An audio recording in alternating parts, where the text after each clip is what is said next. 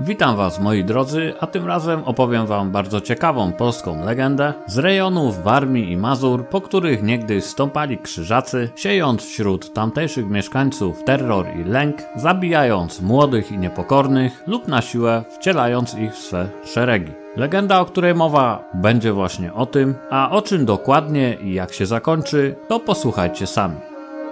W głębi Puszczy Piskiej, niedaleko miasta Pisz, stała sobie uboga i zapadła chata. Mieszkał w niej stary węglarz z córką, której na chrzcie dano imię Jagienka. Niegdyś ludniej w chacie ich było, ale żonie węglarza zmarło się na pomór jakiś, a syna krzyżacy zasiekli mieczami, bo do nich iść nie chciał. I tak zostali więc we dwoje, Węglarz, jak to dawniej bywało, wypalał węgiel drzewny z omszałych pni, zaś córa jego doglądała gospodarstwa i zajmowała się domem. Żyli oni spokojnie, z dala od ludzi oraz zgiełku wojennej zawieruchy i coraz bardziej rozrastających się mieścin. Zwykli żywić się tym, co dał im las, co dała im matka natura. A to jagody, a to grzyby, a i czasem jakiś zając w sidła się złapał. I tak żyli sobie zwolna, nikomu nie wadząc.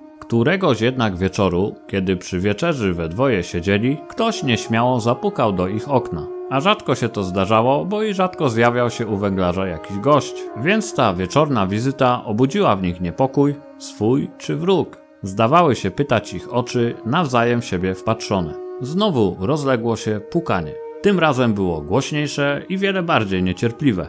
Wyobraźnia malowała im człeka w wielkiej potrzebie, na pewno nie w zwykłych odwiedzinach. Może goniony przez kogo? Dezerter jaki? Albo ukradco? A może to hultaj jakiś?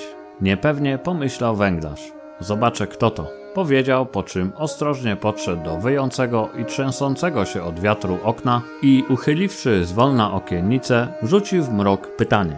A kogo tam po nocy niesie, co? Odpowiedział mu młody, zziajany głos. Jasiek, na imię mi Jasiek. Przed Niemcami uciekam. O nocleg i schronienie jedynie proszę, a jutro odejdę. Słowa jego brzmiały tak szczerze i rozpaczliwie, że trudno było doszukiwać się w nich podstępu czy nieszczerości. Podejdź do drzwi, zaraz ci otworzę, rzekł stary węglarz, kierując się ku wejściu do ich trzeszczącej od wichury chałupy. Po chwili, jakby wepchnięty pod muchem wiatru, wkroczył do izby młodzian wysoki, o twarzy mrozem smaganej i włosach jasnych. Natychmiast pokłonił się gospodarzowi, jakby przed królem samym stawał. Pewnieś głodny chłopcze, zasiądź więc z nami. Niewiele mamy, ale i gości u nas niewielu. Powiedział stary węglarz, ogładą młodego gościa zadziwiony. Najpierw się posil, odpocznij, a potem powiesz nam, jak tu trafiłeś.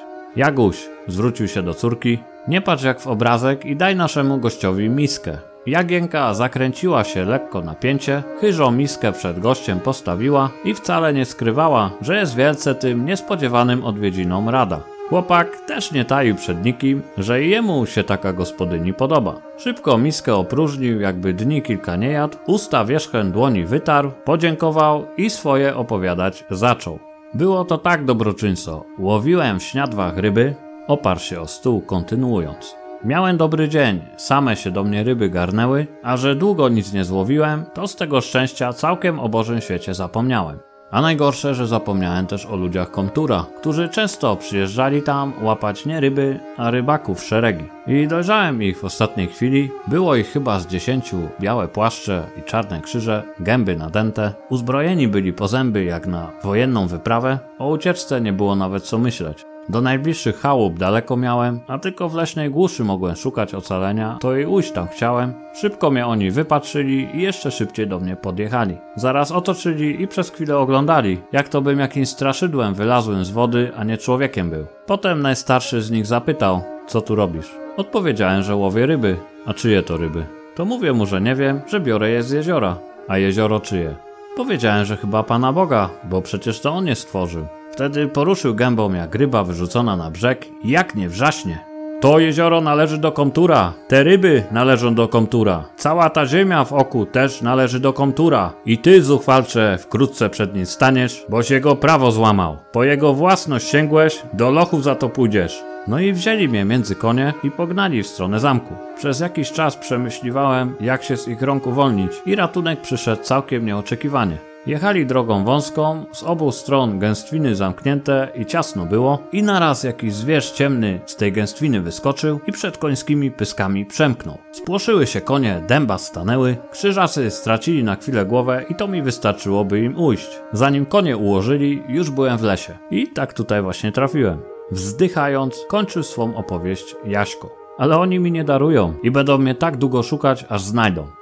Dzielnyś, pochwalił go krótko stary węglarz. Miałeś szczęście, którego memu synowi brakło. Zamyślił się nieco starzec i dokończył. A krzyżaków się nie lękaj, znajdziemy ci taką kryjówkę, której to żadne, nawet oko Niemca nie wypatrzy. Jagienka natomiast przez cały ten czas ani razu się nie odezwała. Ale nie musiała, bo oczy jej błyszczące w świecach mówiły wszystko. Coraz bardziej podobał jej się owy niespodziewany gość. I tak młody rybak został w ich chacie na dłużej niż planował. W ciągu dnia pomagał węglarzowi przy wypalaniu drzewa, a wieczorami siadywał obok Jagienki przed chatą i słuchał z nią odgłosów puszczy. Opowiadał o swym życiu nad pełnymi jezior tautami i oboje szukali gwiazd zaplątanych w koronach drzew. Zaś stary węglarz, patrząc na nich, uśmiechał się dobrotliwie, że córa jego towarzysza ma jej dogodnego. Minęło kilka dni owej sielanki, gdy któregoś ranka Jagienka wyszła do puszczy, by na obiad trochę grzybów nazbierać. Niedługo tam jednak zabawiła, przybiegła wkrótce, zdyszana z przerażeniem wielkim w oczach.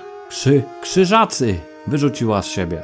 Jadą ku nam! Jaśko, chowaj no się! Chłopak, nie namyślając się ani chwili, dał prędko susa do niewielkiej ziemianki, starannie mchem i gałęziami zakrytej. Zaraz za nim węglarz rzucił tam również narzędzia, którymi się Jasiek zwykł posługiwać. Wkrótce też dźwięk kopyt dało się słyszeć i u wylotu ścieżki prowadzącej do chatki pokazały się białe płaszcze z czarnymi krzyżami. Truchtem zbliżały się potężne krzyżackie konie, coraz bardziej wyłaniając się z porannej mgły, aż stanęły tuż przed Jagienką, a biedaczka wszelkimi siłami starała się zachować spokój.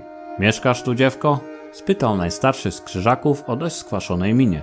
Tak, panie, odpowiedziała pokornie. Sama tak mieszkasz? Nie, z ojcem, panie, szybko odparowała. A obcych jakich tu nie ma? pytał dalej podejrzliwie rozglądający się krzyżak. Nagle w głowie dziewczyny zrodziła się myśl, która bardzo ją przeraziła, a od której nie mogła się już uwolnić, bo wiedziała, że musi tak postąpić, jak właśnie jej dusza podpowiadała. Uratuje Jaśka, a i brata nieszczęśnika pomszczę. I udając przychylność w ich sprawie, informować krzyżaków zaczęła. Był tu jakiś jeden wczoraj. Gościny szukał, ale my po nocach obcych nie przyjmujemy. To poszedł sobie dalej. Krzyżackie czerepy pochyliły się nad nią. Jak on wyglądał, dziewko? Spytał znów starszy, znacznie natarczywiej. Dziewczyna przez chwilę udawała, że się zastanawia. Młody był, jak ja. Zaczęła powoli. Wysoki też był i jasne włosy miał, ale po ciemku to mało było go widać, panie.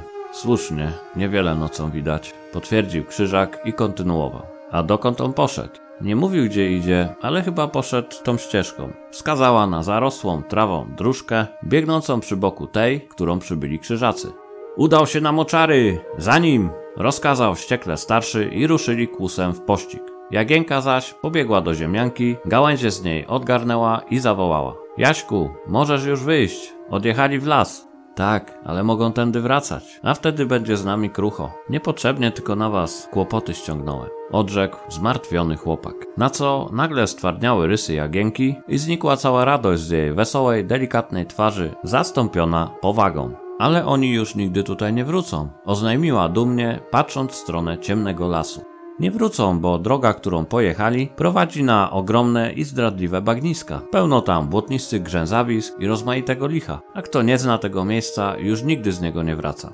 A niech mają, to za śmierć mojego brata i za to, że ciebie też chcieli skrzywdzić. I tak jak Jagienka powiedziała, nigdy już rycerze w białych płaszczach nie wrócili. Błotnista otchłań pożarła ich na zawsze, po czym wszelki słuch o nich zaginął. A Jagienka i Jasiek wkrótce się pobrali, obdarzyli starego węglarza gromadką udanych i zdrowych wnucząt, zaś morał z tego jest taki, że nawet w najbardziej beznadziejnej sytuacji nie wolno się poddawać, bo ostatecznie zawsze zwycięża miłość oraz dobro. A i na tego, co zło czyni, w końcu pomsta i kres przyjdzie.